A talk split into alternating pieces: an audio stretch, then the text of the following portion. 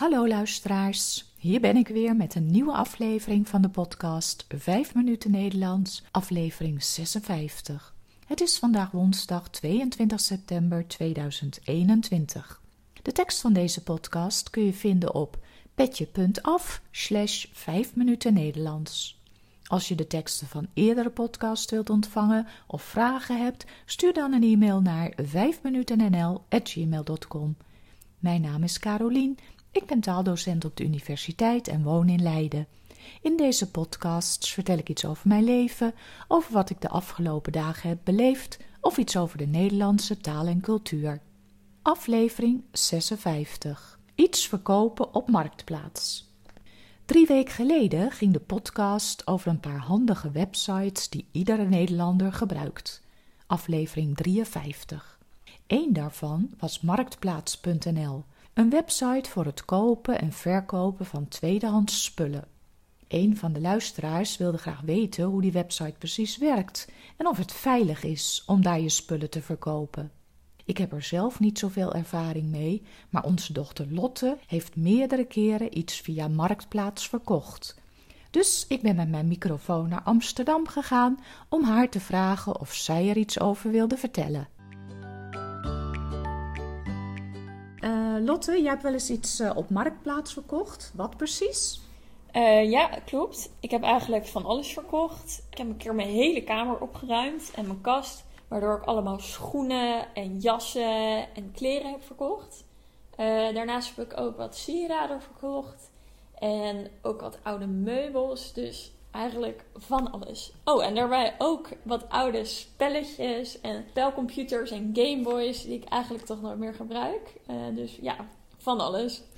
En hoe werkt zoiets? Is het makkelijk om dingen te verkopen? Uh, ja, het is zeker makkelijk. Je begint eigenlijk met foto's maken ervan. Ik heb wel gemerkt dat hoe, hoe beter je foto's zijn, hoe makkelijker het verkoopt. En daarna voeg je er een titel aan toe en een beschrijving. Vaak vinden mensen het fijn als die beschrijving iets uitgebreider is. Dus hoe vaak iets gebruikt is, welke maten het zijn, welke afmetingen het zijn, of er uh, oneffenheden op zitten.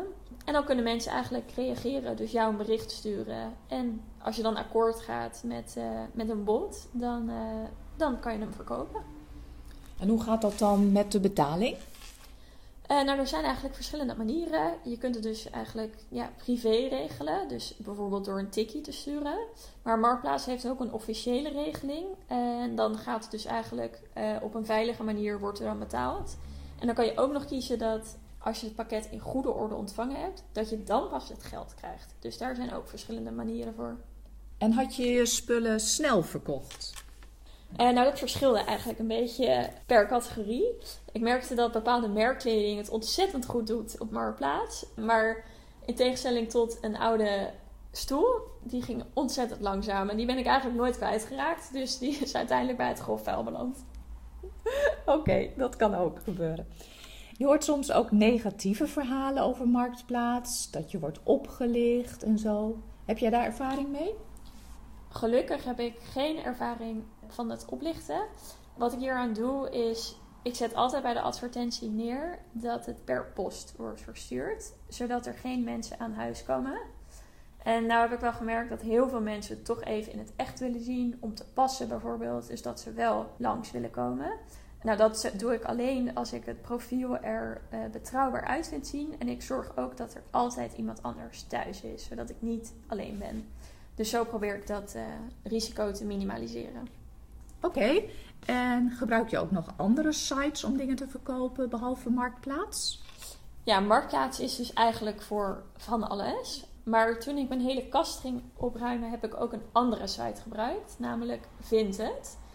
Je kan hier alles opzetten van kleding tot tassen tot schoenen, als het maar ja, met uiterlijk eigenlijk te maken heeft. Uh, en dat platform werkt super goed. En er zijn ook geen uh, transactiekosten. Uh, bij Marktplaats trouwens ook niet.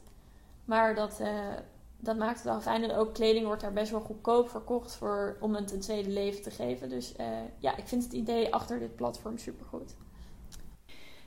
Ik kan me inderdaad nog heel goed herinneren dat Lotte haar kamer had opgeruimd en van alles aan het verkopen was.